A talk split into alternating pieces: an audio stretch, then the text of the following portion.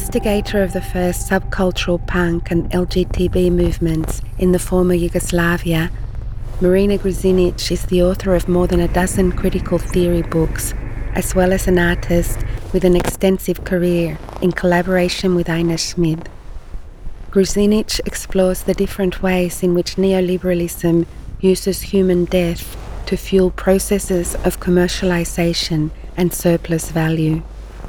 From Ghraib to Lampedusa, by way of the history of African culture and the dissolution of the former socialist bloc, she assembles a political vocabulary that seeks to unravel the effects of global aesthetics on people, drawing attention to the rise and normalization of what she calls trophy images, images rooted in the colonial legacy that display confinement, humiliation, and gratuitous brutality on racialized subjects.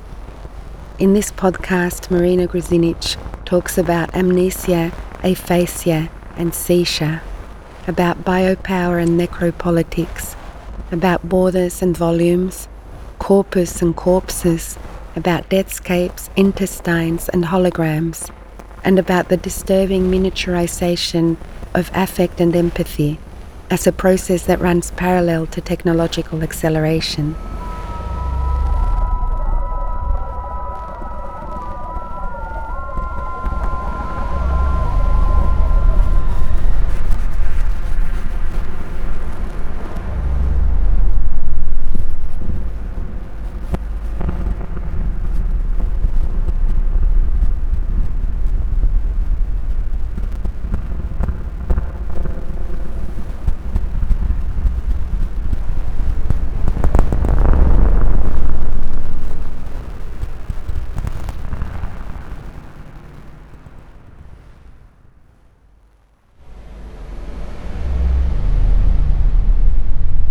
We have the most sophisticated technology at the moment, really, also the digital technology. Every kid can do um, uh, fantastic uh, research and intervention in the image and so on. But uh, what is uh, strange is that the level of affect and empathy, it's almost like it will be belonging to another time. So the technology is advanced, but our humanity, if I can use this word, uh, our, our empathy, it's almost like retarded. First, I'm a pro socialist, if this is possible to be said. So, absolutely against uh, fascism and also pro-socialist in terms of all these questions about equality, the society that actually is a public, it's uh, shared, it's given to many, and some of these things we also learn part of socialism, where I was uh, from coming from a worker class, so very um, just having nothing like in many of us, but also having a lot. We had cer- certain uh, possibility for social sharing of health and social benefits and so on. School was very good. But still, there in that system, being pro socialist, it was many things that were not working well.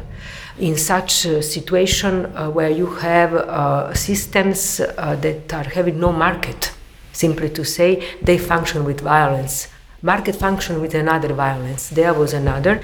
When I say we, we were like a group of people, mostly coming from political science and journalism and sociology.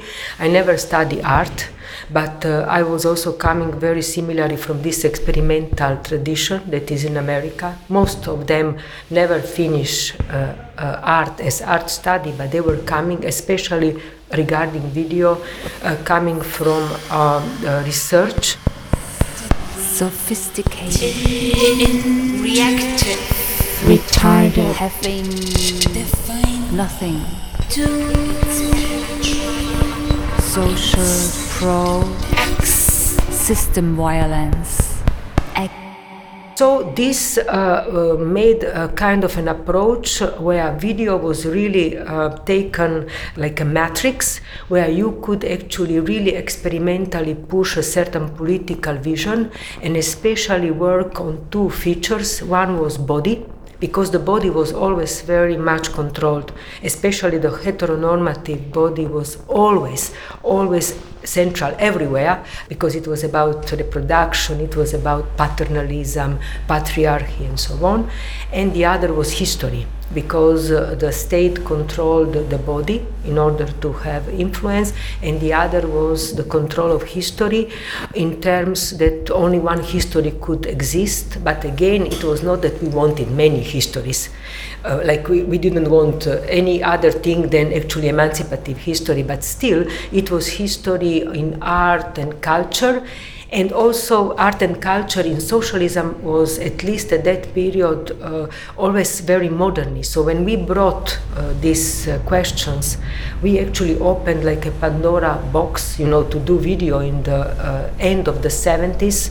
Uh, and uh, to to use the body and nakedness and uh, the LGBT movement that was quite present in ex-Yugoslavia in difference to other countries, and to use uh, like political um, questions uh, to question the police that were uh, very active, but not so much as it was before for my parents.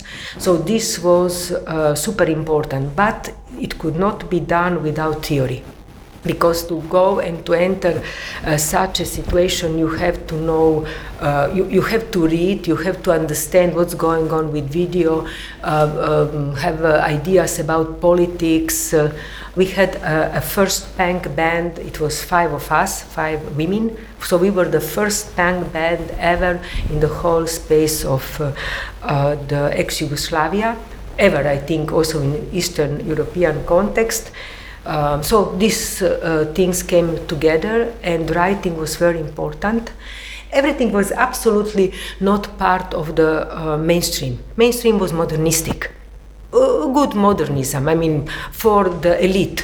Yeah, so these uh, things came together, and everything was about politics and analysis of socialism. And it was about also analysis of art, what art can do if art has any sense and also we emphasize very much that art is not just creativity but uh, what maybe it's now sacrilegious to say it was a class fight. What art can do? If the body the punk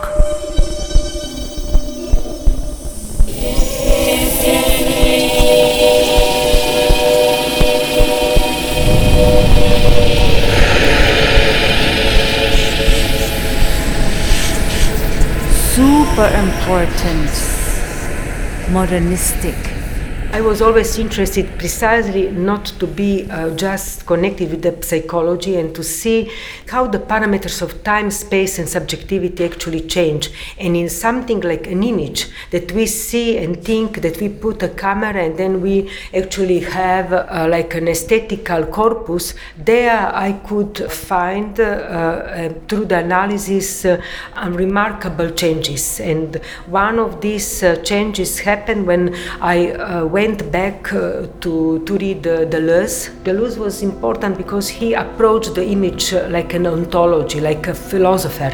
But what he did, he showed very well that our perception of uh, time and space is actually uh, very artificial but it's done or collide with a certain feeling of naturalness and psychology. But then, going one step further, when I was uh, thinking about what uh, he did, it was obvious that he never thought about the position of the subject. So he was really interested in space and time and also the composition. And then, if we think about uh, Godard or Resnais after the Second World War, my thesis is that uh, besides the excellent analysis of Deleuze, what is missing is that, the, that that films and that image that is produced is all about the middle class. Practically after the Second World War, the Occident wanted to uh, um, re- reconstruct the middle class because the middle class, uh, due to Nazism, was gone. And also to do this, they had to make a division uh, between middle class and worker. The workers can just understand what is organicistic, while the middle class can actually have this big thought, uh, and then I made further research and I said, okay, the digital image came and completely changed. The paradoxical thing was about the digital image of the 90s that you really for the first time could see uh, that uh, you lose more and more the characteristic of time and space. And also that the digital image is truly really connected with uh, the question of the swarm multitude because when you, you, you digitally you can approach thousands of places in the world and it's functioning like this. And the phone is a very good case. Uh, many protests happened precisely through just a signal in that moment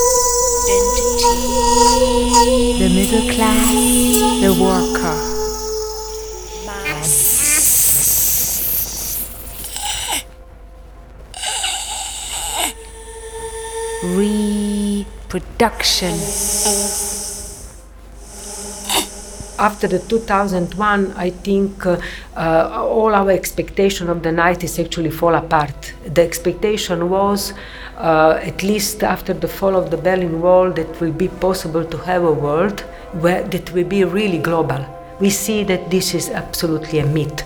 We don't have a global world, we have a global capital you have no possibility for your mobility, or you have, but it depends where you stay. And I say this depends precisely what I call this colonial racial divide. So the processes of racism that were all around but actually put under the carpet, and they are connected also with your position, our precarization, our possibility to work or non to work, under which condition, and so on, our immiseration people are actually more and more having less money, though money is everywhere. Uh, so because of this, I said, what is actually that is going on with the uh, image from just parameters of time and space, you make a big uh, switch uh, toward uh, social and political reality. Because the trophy image uh, that I said is the image of the global world, uh, it's uh, something that is connected directly with colonialism. The trophy images, as such, that we know, we grown up, we seen the books about ethnography and so on, are the images actually of colonial uh, adventures by colonialists, white, for example, in Africa, everywhere, where they actually conquer tribes or they conquer animals, and then you have a whole series of uh, images that are presented all over in books and so on. The trophy image, regime of whiteness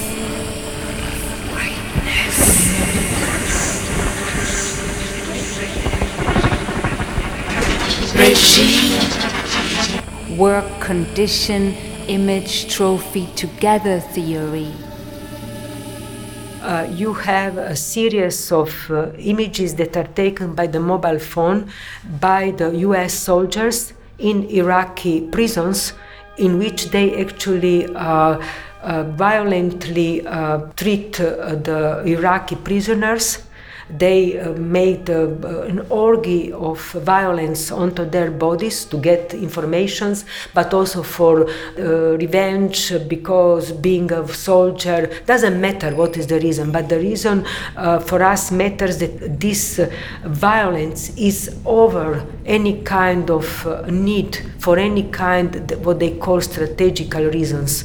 And these images are not taken not even for any documents, but they are taken for a private pleasure. And it shows that such images are pure trophy images, where instead of the animals from Africa or the tribes, now you have actually uh, people who live in the same decade, but they live in Iraq and they are treated like they are animals, they are not humans. And they are actually uh, brutalized to such a proportion that uh, they are really the new uh, trophy images. And from that moment on, it's obvious that uh, the war that is going on after the 2001, the way of how the media uh, presents uh, the different war, but also realities, the realities, for example, that are going on in US uh, when uh, people uh, just in a moment of madness and for many reasons just kill half of a class. they kill 10 or 20 pupils because of revenge and in the same way like what was happening in 2004 but also in the beginning of the century these trophy images that are always uh, images where somebody is captured or is capturing somebody else and where uh, these images then start just to be normalized and they are presented. This kind of aesthetics, I will say, uh, it's uh, uh, a moment that shows that the image from being just an aesthetical place starts to be actually a place of a complete social and political uh, discourse. And this is why, what I call actually uh, the process of racialization of the image, where what we see there is not even only the question of affect, but we see an unbelievable uh, clash. We have to change simply to say the parameters of our analysis. We cannot just talk about uh, uh, mobile phones that are absolutely crucial for taking such images, but we also have to talk about the whole history of uh, capitalism, at least the last 100 years, to understand. The thesis is that what we wanted so badly to take out of these social and political questions, it's actually paradoxically even more imprinted in the image we, ca- we cannot have a distance in a certain way uh, and behave like we, we can get rid of this. Uh, when we talk about the trophy image, we see that uh, those who are part of this trophy image, uh, the way of their space, how we can perceive the space, the analysis of space in the one uh, sequence of the film, we see that actually this space is absolutely not a space, but is a pure uh, confinement it's actually an immobilization. And today, paradoxically to say, immobilization is one of the main characteristic way how we are actually perceived in space. Not in Africa, not in Middle East, but also in Europe. Who can move? Until which condition? When something happened, you have whole cities absolutely blocked. People cannot go out, cannot go in. You are just so to say, uh, uh, all this preaching about global world, global mobility stops in a second, and you find yourself absolutely foreclosed in a prison. So this is very interesting for me to think about these uh, relations, to see the prison projected in the image through the way how uh, the analysis uh, of, uh, let's say, certain semiotic elements inside the images are possible to be captured and our real or everyday immobility that happened just unexpectedly. And everybody of us can be in such a situation. And some even can be for a decade or will never come out of this immobility like the refugees if we think about libya and so so this is I think these huge changes uh, regarding aesthetics, image, and uh, the relations to the social and political.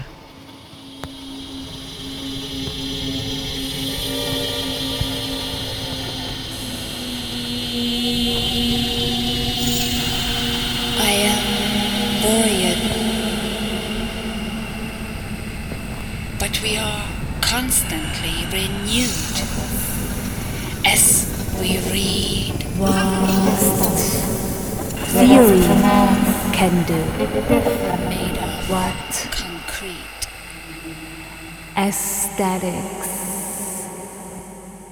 With global capitalism, uh, I think uh, uh, things that were for um, a long outside of the analysis are now um, more and more intensively part of uh, uh, the concern. So one of these concerns is definitely life Life was something um, almost seen very uh, es- essential uh, or essentialistic, and it was the whole modernist time.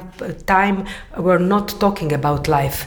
Uh, everybody was talking about the artificiality, about the form. This was important, you know, to invent new uh, experimental formats but then, after 2001, and with uh, changes, radical changes, I think, in politics, uh, economy, life started to be central to almost every possible discourse. Everything in the last instance come back to life. Even when we talk about biotechnology, that is super important, or the research of DNA, you come back to life what is then human life? Not just rhetorically, but what is actually the life that we have?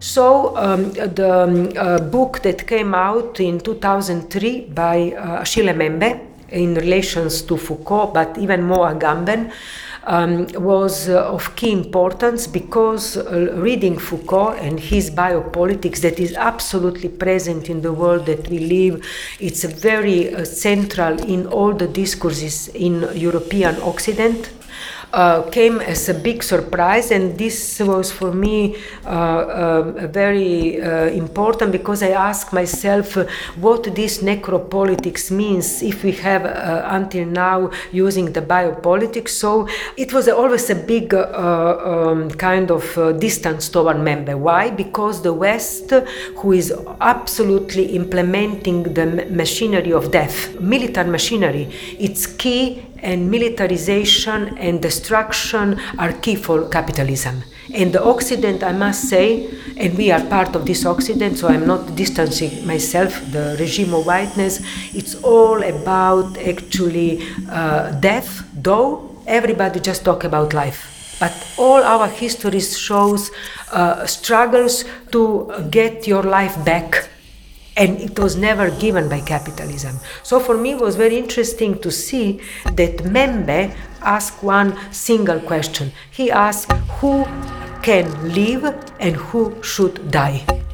This is something so banal in a certain way because nobody dare to talk about these things or it's just not part of the agenda because of new media technology, but it's the most uh, primordial question and we see all around us only the answers to these questions all the segregation, ghettoization, differentiation, dispossession are only about these, I call these zones. Who can be there in the center, still stay alive, and who will be removed? Stay alive removed. Key. Death. Key. The West. Machinery of death. Theory. Tech, tech, tech. Brutalize. Tech. Global.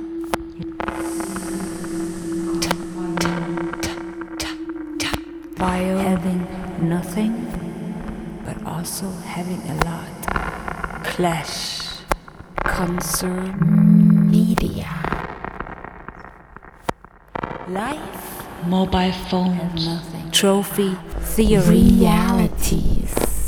Space.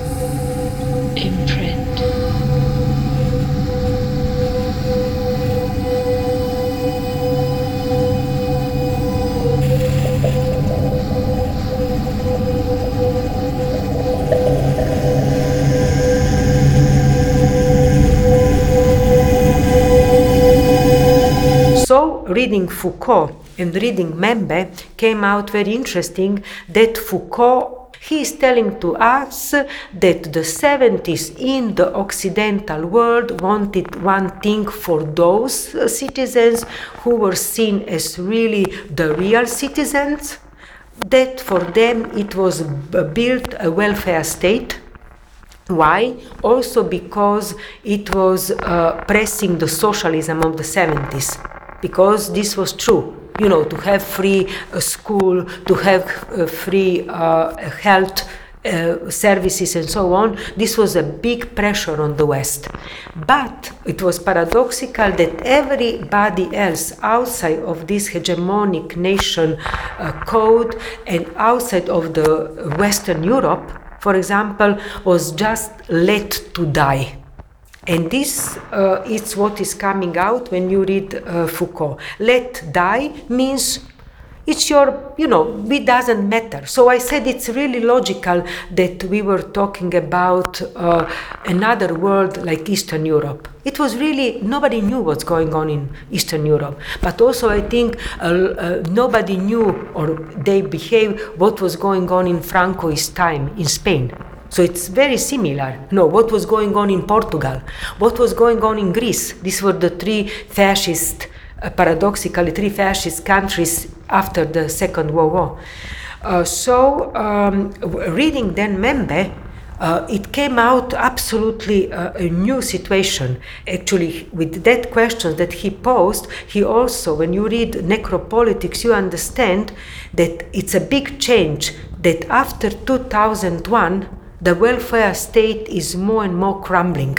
And we see this because our precarities, our, so to say, uh, possibilities to survive, just being a normal citizen, not even having all the rights, you are not anymore having all the benefits. Others has no benefits if you are non-citizen. So that make live this welfare state crumbled in front of our eyes, and it happened for me to say that actually uh, this let that is a pure uh, gesture of abandonment, started to be central for the world.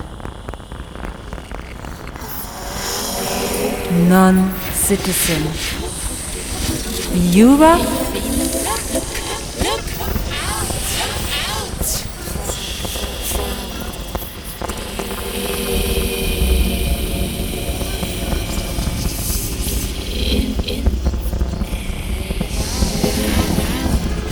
In, out, non, yes, citizen.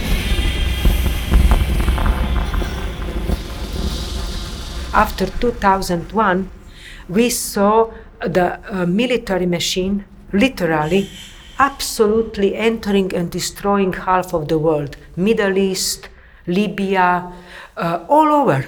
Practically, the world is scrambling. Uh, so, and there, uh, it was not just about dying. Dying is a horrible thing because everybody wants to live, but it was the implementation of the whole machinery in order to produce more money. Uh, with killing thousands of people, it was actually possible for uh, to get oil uh, uh, from different region in the world. So this showed very clearly that uh, it's not just the old questions that everybody who is alive will die sooner or later. And this is a fact. This situation is not the old modernist situation that every life has the backside of the death, but that exists a new condition uh, produced by global capitalism that started uh, in 2001 definitely that actually death is now capitalized. Through death is made money, dispossession. So the category of death is not just about life and death in this very primordial way, but is actually something that is directly connected with surplus value and directly connected with the most uh, um, uh, violent uh, governmental decisions.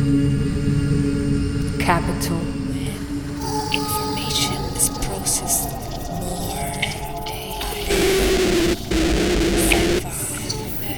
Is surplus, plus, plus, plus. in these relations between biopolitics and necropolitics, besides that they are like presented as two poles, but they are actually working one into the other, What is more and more coming evidently is that many notions that we are uh, using from the modernist times, for example, citizen is such a notion, and especially citizens, uh, being a citizen was always seen as something natural. You are born, your soil and blood actually gives you an unbelievable right, the right to be a citizen, and this means nobody can take this from you. When you are a citizen of course uh, for me the most important things is who is the non-citizen and who is the second and third grade citizen. The refugees that were coming and not migrants really refugees uh, coming from different parts of africa the middle east through the adriatic sea coming and trying to enter europe uh, with their mobile phones because they knew that here we have a life and they wanted this life because this life was taken. After dying every day just a few of them so no important for the western media happened that in one day it was almost uh, 300 and more people that drowned near lampedusa. This was a, a remarkable number because it was in one night. And this uh, started to be the prime time news everywhere and uh, uh, together with this uh, happened this huge funeral where many politicians from all over Europe went to Lampedusa. And what was shocking for me uh, watching the Italian television was that Letta, the prime minister at that time, declared in the prime time news all these people who drowned in front of Lampedusa are now Italian citizens. And this was really shocking because this was the reason why they actually drowned. This was the only goal because you knew if you are a citizen, you have rights, otherwise, you have no rights. And uh, paradoxically, they got this in the moment when they died. So I said, but this is a pure case, the most clear case ever of necropolitical citizenship because it was much more cheaper to bury all them as Italian citizens in Italy than to send them back to Africa. And when I uh, made this thesis, I also said if we have a necropolitical citizenship, that means that our natural citizenship is absolutely not one. It's a biopolitical. That means somebody will come and can take this. When I said this, Next half a year, we had actually the first proposal by the French uh, government saying that all those who went to fight in um, Middle East, to them will be taken the citizenship. Practically, you cannot get rid of your citizenship. In some, some countries is impossible. This is the uh, case of the Greece citizenship. So it came out very clearly when I said all the masks started to fall down, that all these questions of citizenship, in which we are pumped day and night, of our naturalness, we have the right, we have the right to be here. When a citizen is talking, everybody has to listen, shown to us that is a question of power, this is a question of agreement, that is an artificial situation between state power apparatuses.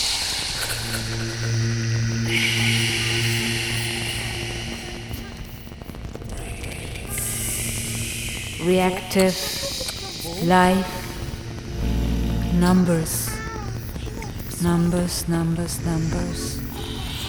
Citizenship in brackets. Undo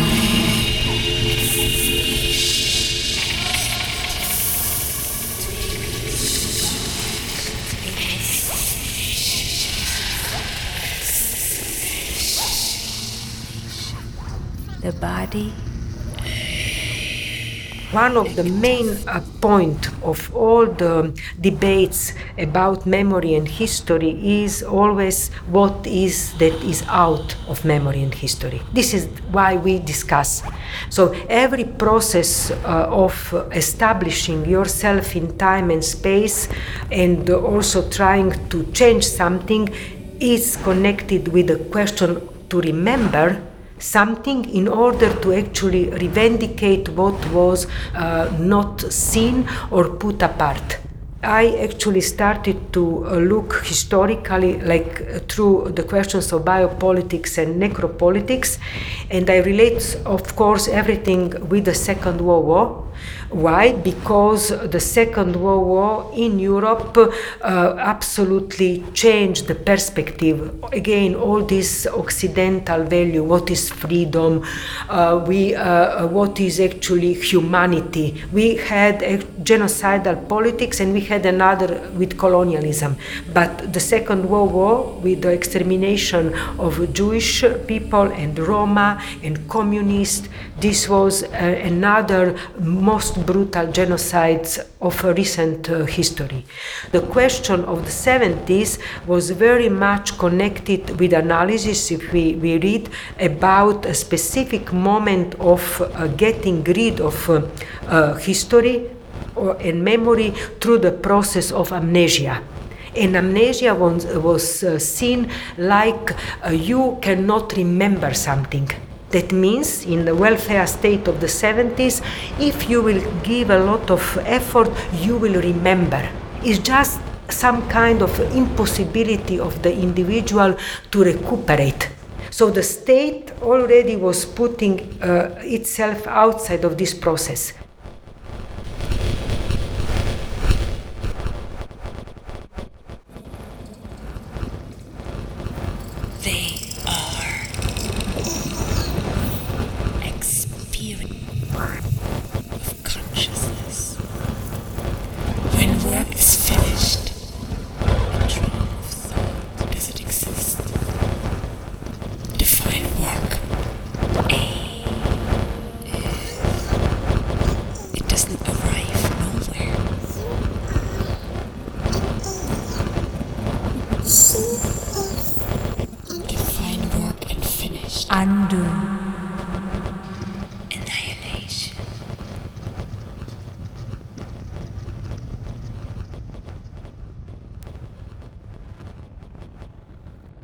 Aphasia is actually just a psychological situation when you cannot find the words. In the 90s, it was not questions of not remembering anymore, but it was questions that people behave like they don't actually can understand what, what was going on.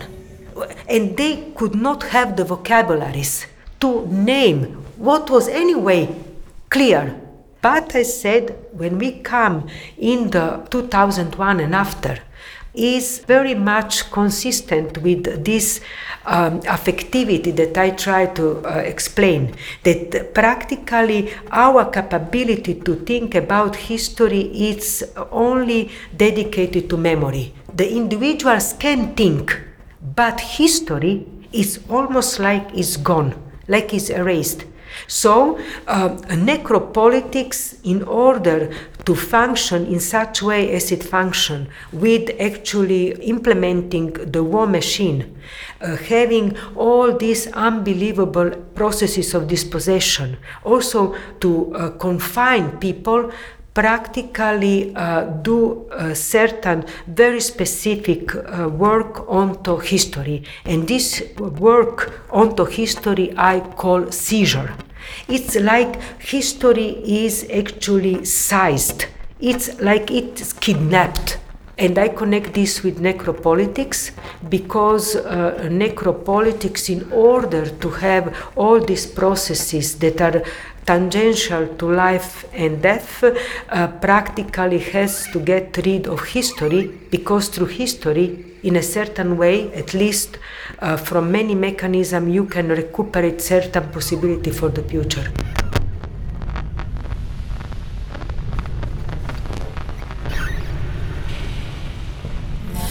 collective memory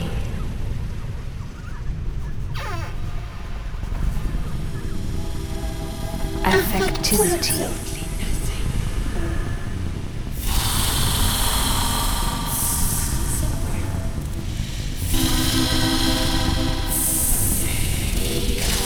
Collective forgetting.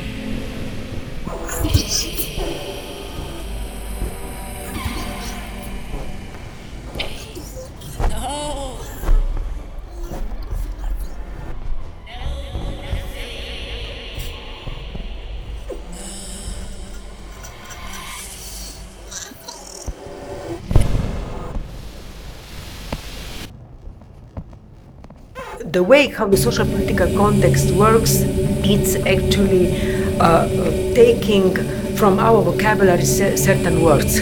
So uh, first we, we can just work with some words that are anyway dispossessed by their meanings in the moment and not only words like notions on the other part some words are actually prohibited because they are connected with uh, everyday politics and radicality it's such a word to be radical was one of the main uh, points of departure. For example uh, if we think about the 68 it was a demand uh, uh, also as a, a kind of uh, a statement an artistic uh, experimental moment, not only a social and political, where it was to push the possibilities, uh, ra- to make um, uh, a radical structure of the work, to think outside of a, a kind of already designed framework. But today, because of terrorism, uh, that is now uh, capturing us and we are uh, made hostages, I will say twice, by the situation. Terrorism is stupid. I mean, this is what I think. Terrorism has no sense. It's just a destruction for pure destruction.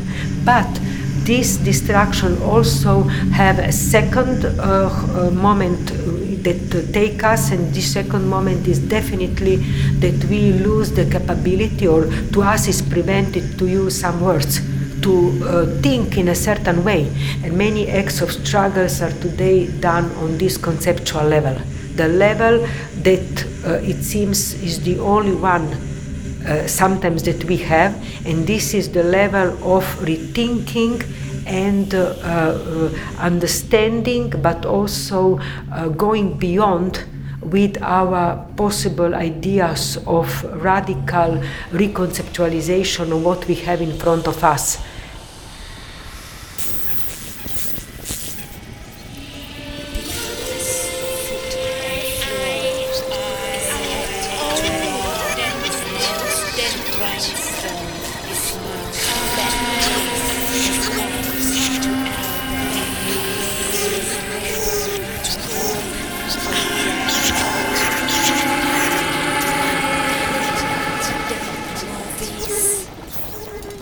Biopower, part of biopolitics was always working with uh, uh, like a nation. But the point is that necropower that is coming from necropolitics is actually working with the whole system. And it's what I call deathscape. So this is why we have so many questions and talks today about, for example, ecology because we don't talk about just the population. Practically, uh, the uh, resources, the, the soil, the natural uh, ground around us is also endangered as, as it's actually the population. So you have a scape that means people, ecology, earth, everything, and this uh, is today connected with death or it's completely uh, overused, dispossessed, uh, whole territories are privatized. And also, this is very good because can be connected with the questions, for example, of the border, that we see that also the parameters in the space are not anymore just questions of coordinates, but we really talk about volumes. Because when you uh, come to today to a border, already in Europe, you don't talk about a line that divides one country from the other. You talk about the whole volume of space. You have drones, you have digital gadgets, they immediately scan you, take all your data, they practically connect you three dimensionally. Also, our way through new media technology are not anymore coordinates of uh, length and width practically we are volumes and the best uh, case is that we are getting so many data on one body that practically we are really a walking volume. Can be a corpus or can be a corp literally a dead body who has uh, more data about than every other especially the, the refugee. They are so digitalized that they are actually taking the border onto their body. They have the biggest technological advanced mechanisms of their body. They are putting all the data archives in order to be brutalized, caught, and then actually uh, sent back from where they were supposedly coming.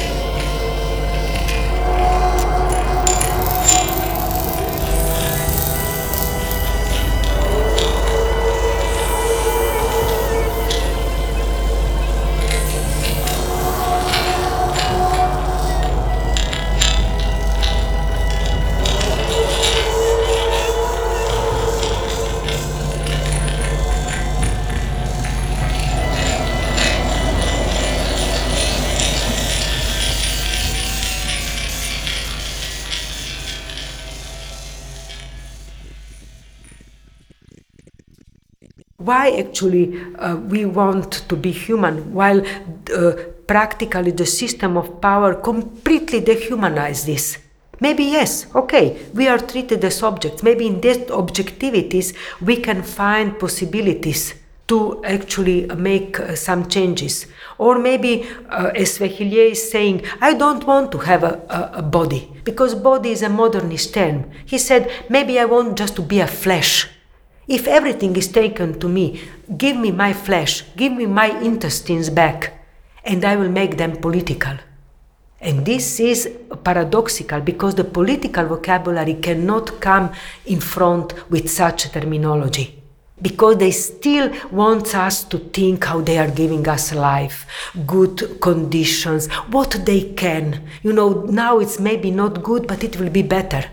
But when you say, no, I don't want this, I want a flesh, not a body. I want really something that you actually cannot come and make as a proposal. Because the proposal must be in this retarded humanist modernist way in order to function, you know, to say, no, we want your humanity. Work now 10 hours, but your children will work only five hours. Now you have to live very, you know, to save money because the state needs you. Don't have your freedom, but the new generations will have it. So maybe a possibility for, for a change.